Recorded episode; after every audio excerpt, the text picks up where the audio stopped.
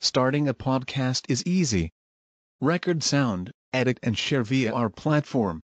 Anchor is the easiest way to create podcasts, Spotify's offering to you. Distribute your podcasts to the most popular listening platforms, including Spotify, Apple Podcasts, Google Podcasts, and more, with just one tap. Download the free app to start your podcast with the versatile platform from Anchor. Thank you.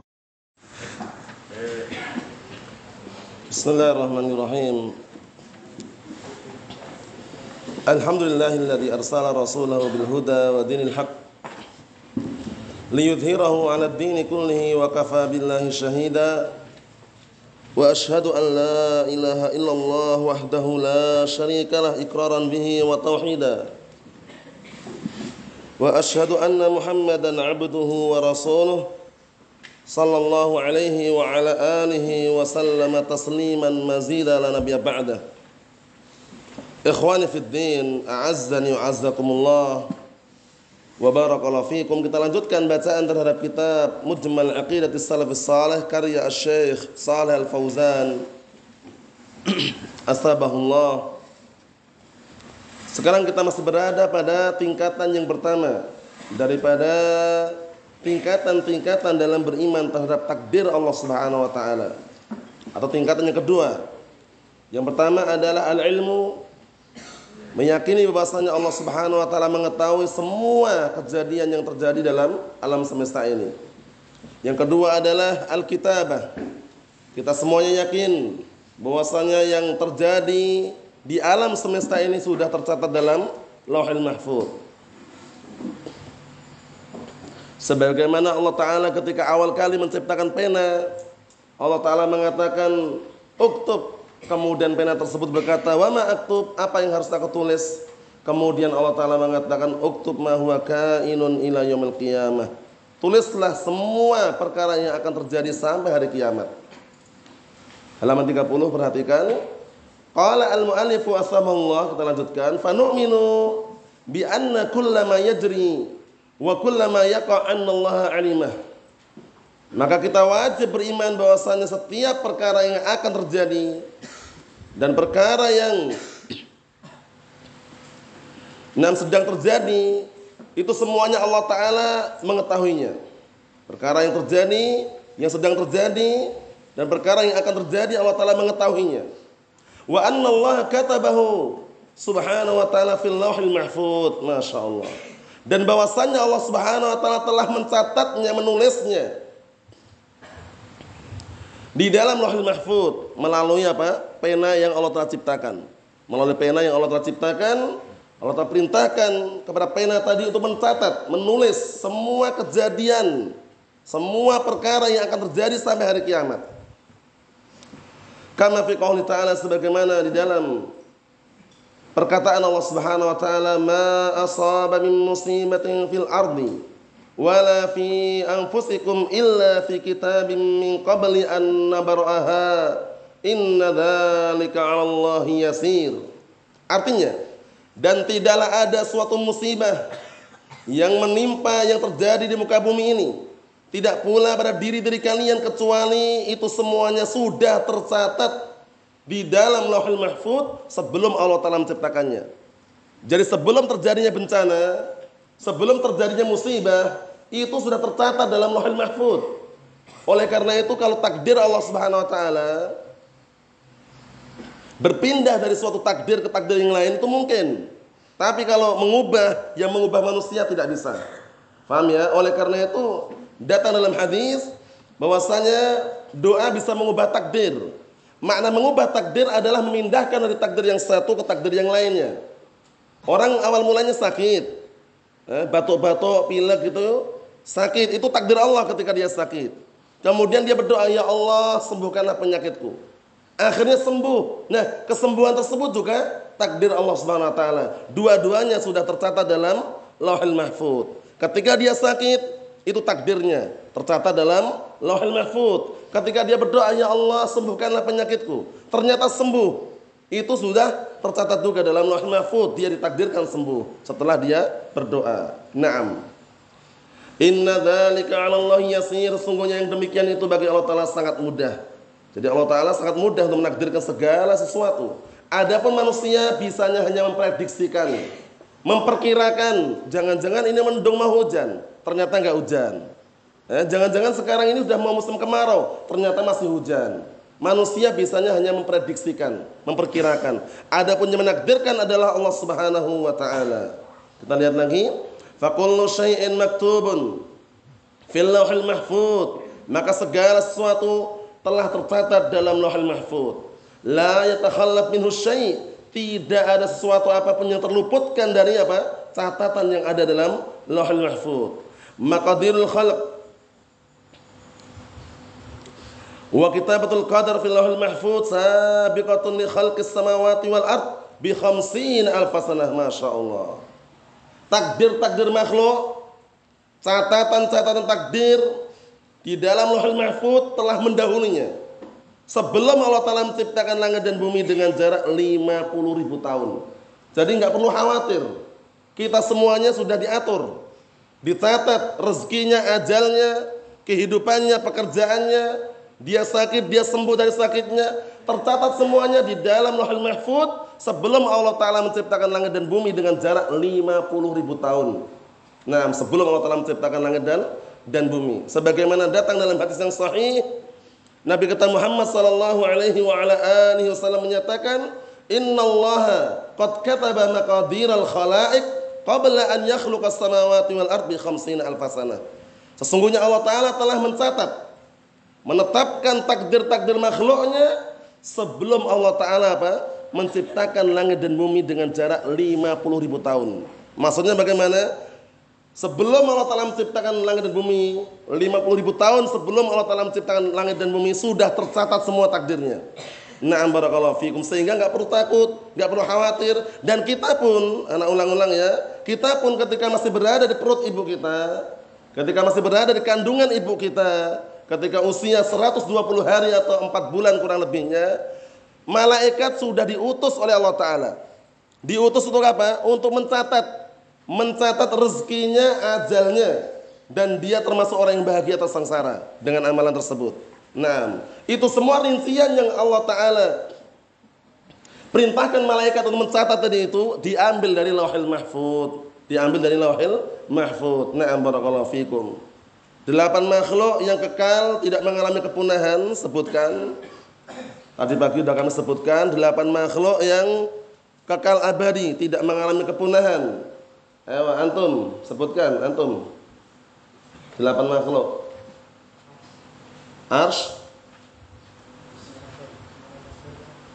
surga dan neraka, tulang ekor, roh,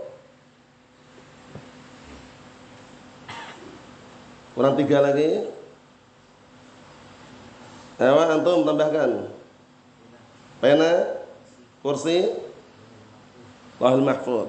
Nah, pantunnya ada yang hafal belum? Coba antum, kan pantunnya coba antum. Pantunnya belum. Tapi sudah tercatat ya. Ayo coba dibaca. Belum juga? Labas. Nah, barakallahu fikum. Samaniyatun hukmul baqa'i ya'ummuha minal khalqi wal baquna fi hayzil adam huwal arshu wal kursi wa narun wa jannatun wa azbun ka wa arwahun kadal lauhi wal qalam. Nah, delapan makhluk yang tidak mengalami kepunahan. Di sini disebutkan apa? Dan catatan takdir semuanya telah mendahului se segalanya. Sebelum Allah Ta'ala menciptakan langit dan bumi dengan jarak 50 ribu tahun. Karena fil hadis sahih ada Nabi SAW fi Fala min syai'in illa wa huwa musajjal fil lauhil mahfud. Masyaallah. Sebagaimana yang telah datang dalam hadis yang sahih dari Rasulullah SAW bahwasanya apa? Tidaklah ada sesuatu kecuali sudah tercatat di dalam lauhil mahfud. Segala sesuatu. Antum ketika mau duduk belajar, pulang dari belajar, ketika antum sakit, kemudian berdoa sembuh, semua sudah tercatat. Tercatat dalam lauhil mahfud. Naam. Kama qala ta'ala sebagaimana perkataan Allah Subhanahu wa taala wa indana kitabun hafiz. Dan sesungguhnya di sisi kami ada kitab, yaitu Lauhul Mahfuz yang di situ menjaga tertulis dalamnya semua takdir makhluknya. Itu tingkatan yang kedua. Yang ketiga, ada rajatus salisah tingkat yang ketiga di dalam mengimani terhadap takdir. Ada empat tingkatan. Yang ketiga adalah apa?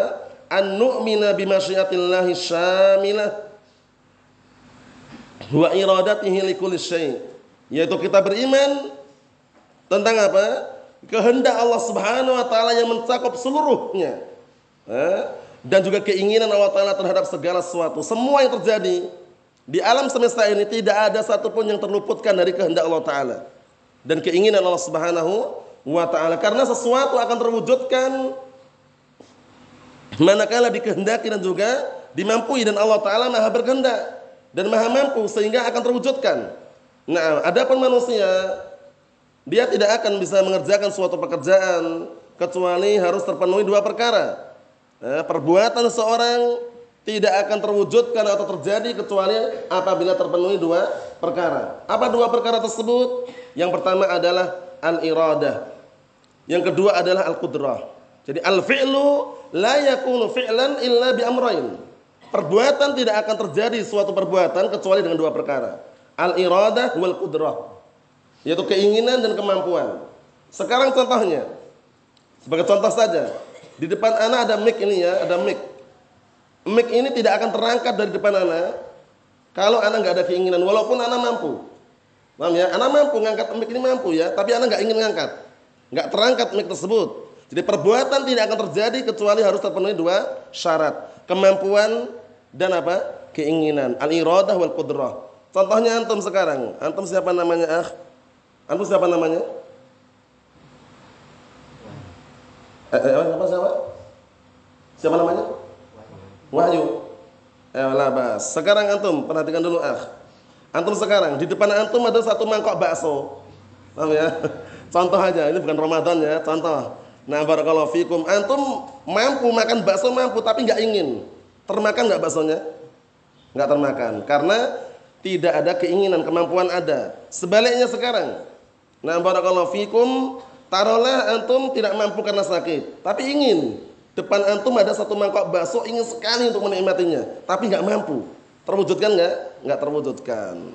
Jadi harus terpenuhi dua syarat ya.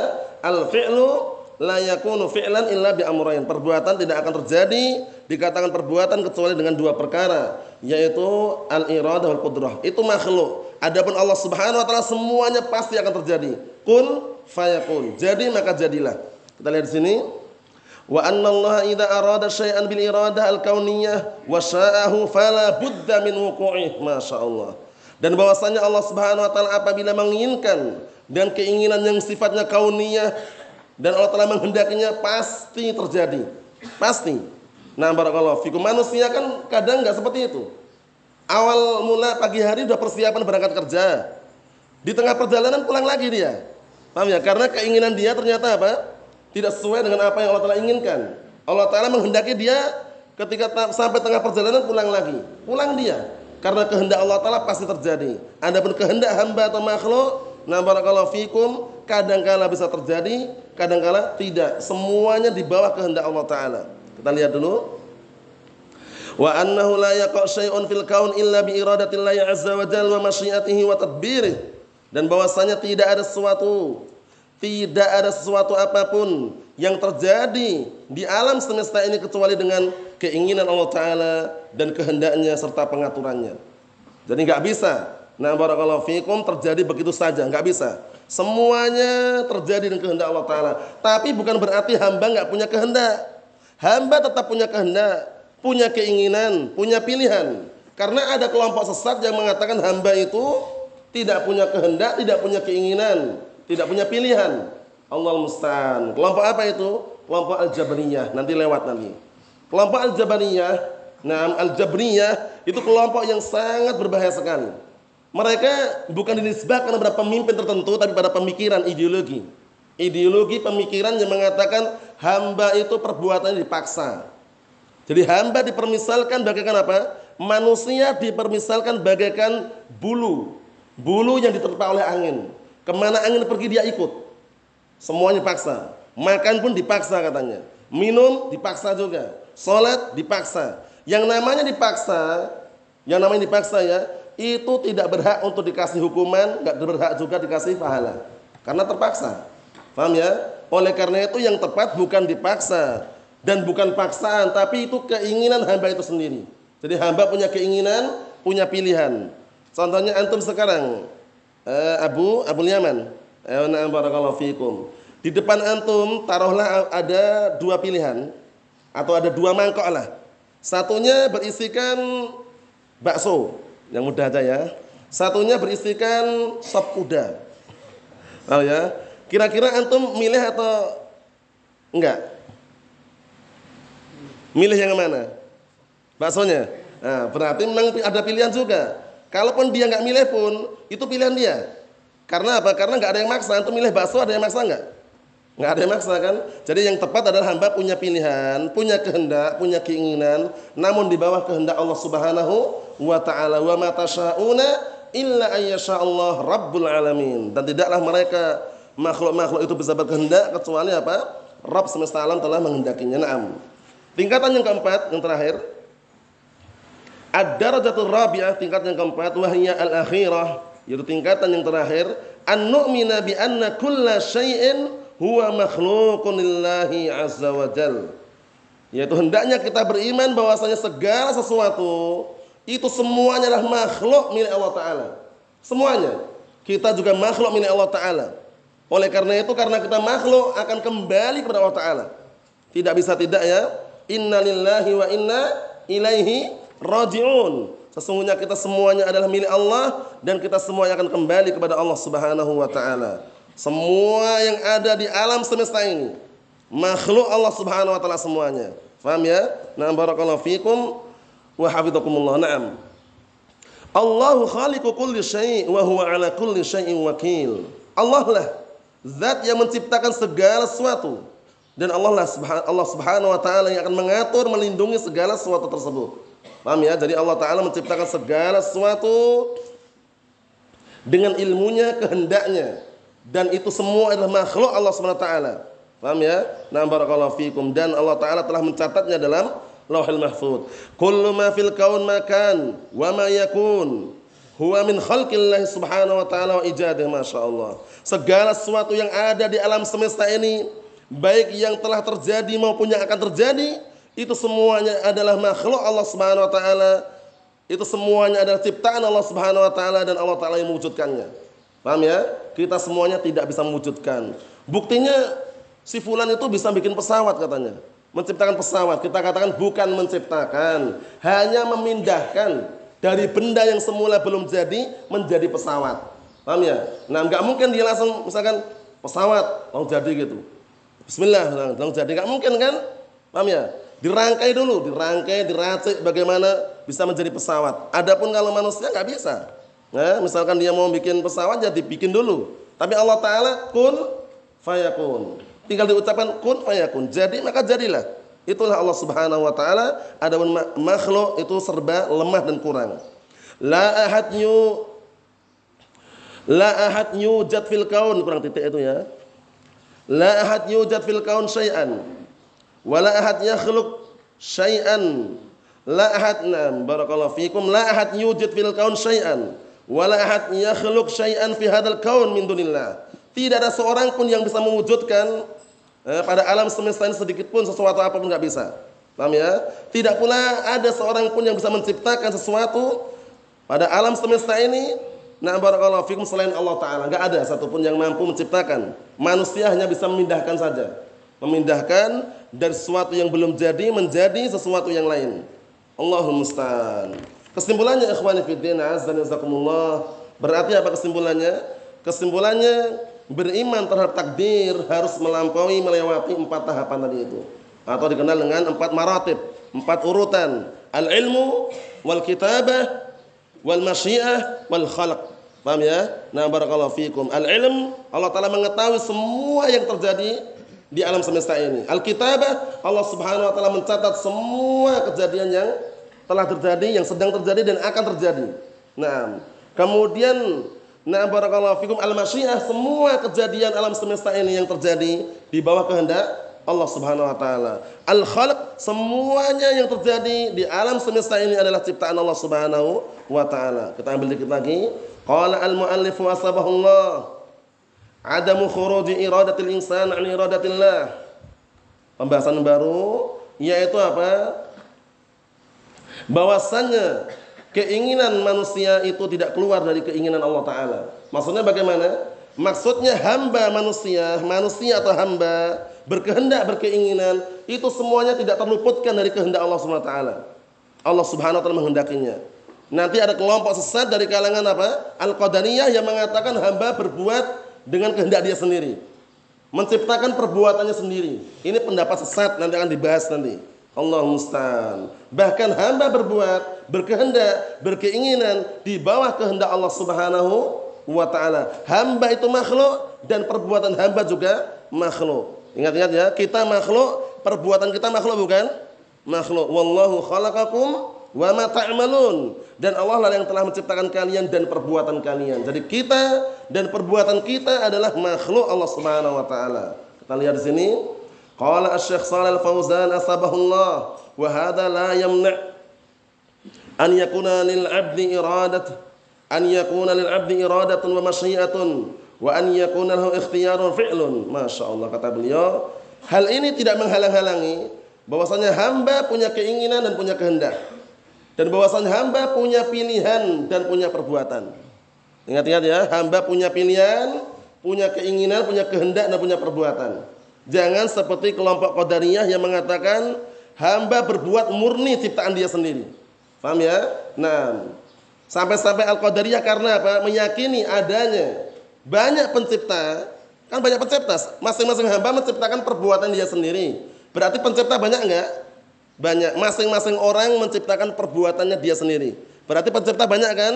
Ewa. Sampai-sampai Rasulullah SAW menyerupakan Al-Qadariyah dengan orang-orang majus. Al-Qadariyah majus hadil ummah.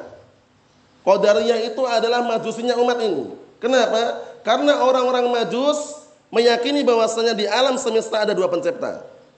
Paham ya? Ada dua pencipta. Apa itu? Khaliqul khair sama khaliqul syar. Pencipta kebaikan dan pencipta kejelekan. Paham ya? Orang-orang Majus meyakini di alam semesta ada dua pencipta. Pencipta kebaikan, pencipta kejelekan. Khaliqul khair kata mereka adalah an-nur cahaya.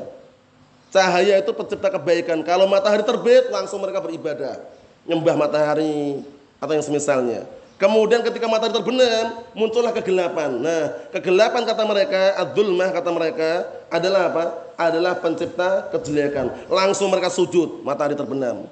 Allah musta'an. Nah, Qadariyah mirip dengan orang-orang Majus. Karena orang orang Majus meyakini adanya dua pencipta tadi. Orang-orang Qadariyah lebih parah sebenarnya karena meyakini masing-masing apa? Masing-masing hamba menciptakan perbuatannya sendiri-sendiri. Allah musta'an. Siapa pemimpin Qadariyah tadi? yang sudah kita lewati awal kali muncul pemikiran Qadariyah siapa pemimpinnya? Ayo. Siapa? Ah, jangan campur-campur. Siapa? Ma'bad. Nah, Ma'bad Al-Juhani. Muncul waktu itu di daerah Basrah di zamannya Abdullah bin Umar radhiyallahu anhu. Ma'bad Al-Juhani. Nah, Allah musta'an pemikiran sesat. Kata beliau barakallahu fikum wa qudrah biha yaqdir 'ala al-fi'l wa tark masyaallah. Wa an yakuna lahu ikhtiyarun wa fi'lun wa qudratun biha yaqdir 'ala al-fi'l wa tark. Maka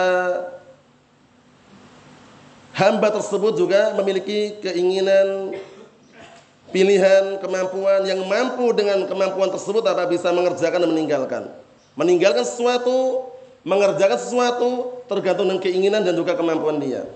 Wa biha yaqdir ala ikhtiyari dhar wa minan nafi' dan dengan kemampuan tersebut dia bisa milih mana yang berbahaya dan mana yang bermanfaat. Itulah hamba punya pilihan. Jadi kalau hamba nggak punya pilihan itu sangat keterlaluan. Biasanya punya pilihan itu mesti sudah ya. Kalau di depannya ada dua jalan, jalan yang halus dan jalan yang rusak, dia akan milih jalan yang halus, itu pilihan dia. Milih jalan rusak pun juga pilihan dia. Paham ya? Jadi nggak bisa dilepaskan ya pilihan tersebut. Fal insanu yaf'alu bi iradatihi al khair wal hasanat wat ta'at. Maka manusia dia akan mengerjakan dengan keinginan dia mengerjakan kebaikan mengerjakan kebaikan ataupun ketaatan. Wa bi iradatihi tatsruk at-ta'at wal wajibat. Dan juga dengan keinginan dia na barakallahu fikum dengan keinginan hamba tersebut dia akan meninggalkan ketaatan-ketaatan kewajiban. Jadi keinginan dia sebenarnya. Dikasih jalan yang lurus dinasihati itu meniti jejaknya para salaf dia malah memilih jejaknya para khalaf. Jejaknya orang-orang hizbiyin misalkan. Ya pilihan dia Paham ya? Pilihan dia. Allahul musta'an. Wa biha yaf'alul ma'asi wasyurur wal mukhalafat dan dengan keinginan tersebut seorang hamba akan mengerjakan kemaksiatan-kemaksiatan, kejelekan dan penyelisihan. Allahul musta'an. Wa huwa yuhasab ala iradatihi wa ala fi'lih. Maka dia nanti akan apa? Nam barakallahu fikum. Atau dia apa? Dia akan menghitung sesuai dengan apa? Keinginan dia dan perbuatan dia. Nah, walakin iradatuhu wa masyiatuhu la takhrut an masyiatillah azza wa jal. Akan tetapi keinginan orang tersebut dan juga kehendak orang tersebut tidak keluar dari kehendak Allah SWT. Paham ya? Nah, semuanya masih di bawah kehendak Allah SWT. Oleh karena itu ada surga dan neraka. Ada surga dan neraka untuk apa? Untuk membuktikan hamba tersebut bahwasanya hamba punya pilihan juga di antaranya. Buktinya apa? Kalau dia memilih surga seharusnya mengamalkan amalan yang baik. Kalau dia memilih neraka walaupun secara tidak langsung dia akan mengerjakan perkara-perkara yang jelek kan itu. Allah musta'an. Jadi hamba punya pilihan. Kama qala ta'ala sebagaimana firman Allah Subhanahu wa taala, "Wa ma tasyauna illa an Allahu rabbul alamin." Dan tidaklah kalian berkehendak kecuali Allah Subhanahu wa taala Rabb semesta alam menghendakinya. Jadi kita semuanya ketika berbuat Bertindak itu tidak terlepas dari kehendak Allah Subhanahu wa taala. Dikit lagi. Fa asbata lil 'abdi masyiah, maka Allah taala tetapkan pada hamba itu punya kehendak. Lakinnahu rabataha bi masyiatihi subhanahu wa taala akan tetapi walaupun Allah taala menetapkan hamba punya kehendak tapi Allah taala mengikat kehendak hamba di bawah kehendak Allah Subhanahu wa taala. Bukan berkehendak sendiri, Bukan seperti kelompok Qadariyah tadi. Tapi apa? Tapi hamba berkehendak di bawah kehendak Allah Subhanahu wa taala. Wa lihadza lamma qala rajulun nabi sallallahu alaihi wasallam oleh karena ini tatkala ada salah seorang berkata kepada Rasulullah sallallahu alaihi wasallam, "Masya Allah wa syi'ta." Ini enggak boleh ini ya ucapan ini ya. Jadi kalau mau pakai eh, atof atau yang semisalnya bukan pakai wawu, "Masya Allah wa syi'ta." Saat itu ada orang mengatakan jika Allah Ta'ala berkehendak dan kamu berkehendak, paham ya? Dan kamu berkehendak, jadi menggabungkan kehendak hamba disamakan kehendak Allah Ta'ala nggak boleh. Tapi bagaimana? Kehendak Allah Ta'ala itu setelah kehendak, kehendak hamba itu setelah kehendak Allah Ta'ala. Itu yang tepat. Bukan pakai wawu, pakai summa atau pakai langsungan, nggak usah pakai atof. Jadi Allah Ta'ala berkehendak sendirian atau jika Allah Ta'ala berkehendak, kemudian engkau berkehendak. Paham ya? Bukan pakai wawu ya. Kalau pakai wawu itu nanti seakan-akan menggabungkan maknanya. Masya Allah wa Eh? Jika Allah Ta'ala berkehendak dan kamu berkehendak. Paham ya? Tapi bukan dan kamu, tapi kemudian kamu berkehendak. Boleh. Biasanya orang itu kan, tadi kalau nggak ada antum mana nggak selamat. Ya, ya. Awalnya mau jatuh ditolong gitu ya. Kemudian dia ngomongnya lupa. Dia ngomong, tadi kalau nggak ada antum mana mungkin udah jatuh. Keliru ya. Tadi kalau bukan karena pertolongan Allah, kemudian antum nolong ana, nah, itu yang benar. Paham ya? Tadi itu kalau bukan karena pertolongan Allah Subhanahu wa taala dan kemudian antum menolong ana, pakai summa ya, kemudian antum menolong ana, mungkin ana enggak selamat. Itu bisa. Paham ya? Tapi kalau pakai dan, tadi kalau bukan karena pertolongan Allah taala dan pertolonganmu, nah ini enggak boleh pakai dan karena menggabungkan. Paham ya? Menggabungkan seakan-akan apa? Pertolongan hamba tersebut beriringan dengan apa? Langsung bersamaan dengan pertolongan Allah Ta'ala. Tidak. Tapi hamba berkehendak, punya kehendak itu di bawah kehendak Allah Subhanahu wa taala. Kemudian Rasulullah mengatakan, "Aj'altani lillahi niddan?" Apakah kamu ingin menjadikan aku sebagai tandingan untuk Allah taala? Qul, masya Allah summa Tapi ucapkanlah jika Allah taala berkehendak kemudian engkau berkehendak. Kemudian ya, pakai lafaz kemudian bukan pakai lafaz dan. Aukul masya Allah wahdah atau kamu ucapkan jika Allah Ta'ala menghendaki Nah barakallahu fikum sendirian atau dalam artian apa? Tanpa ada yang lainnya. Paham ya? Jadi iman atau Masya Allah cukup atau Masya Allah summa sya'afulan. Pakai summa. Itu boleh. Paham ya? Nah barakallahu fikum. Jadi kalau antum ditolong orang Eh, itu mengucapkannya jangan langsung tadi kalau nggak ada antum mana jatuh ya akhi. Tadi kalau nggak ada antum dompetnya hilang misalkan. Itu keliru ya. Tapi apa? Tadi kalau bukan karena kehendak Allah SWT, kemudian antum menolong anak, eh, atau kemudian antum membantu anak, niscaya akan terjadi seperti ini, nggak masalah. Kemudian ya, nah karena Allah Subhanahu Wa Taala ketika memberikan pertolongan kepada hamba, eh, kadangkala melalui apa perantara hamba itu sendiri. Nah, barakallahu fikum oleh karena itu kita sandarkan pakai summa, bukan pakai wawu. Nah, barakallahu fikum kesimpulannya bahwasanya hamba itu punya kehendak dan punya keinginan dan punya pula pilihan namun itu semuanya di bawah kehendak Allah Subhanahu wa taala. Nasallahu as-salamata wal afiyah fid dunya wal akhirah. Wa nasallahu an yuwaffiqana wa iyyakum lima yuhibbuhu Allah wa walhamdulillahi rabbil alamin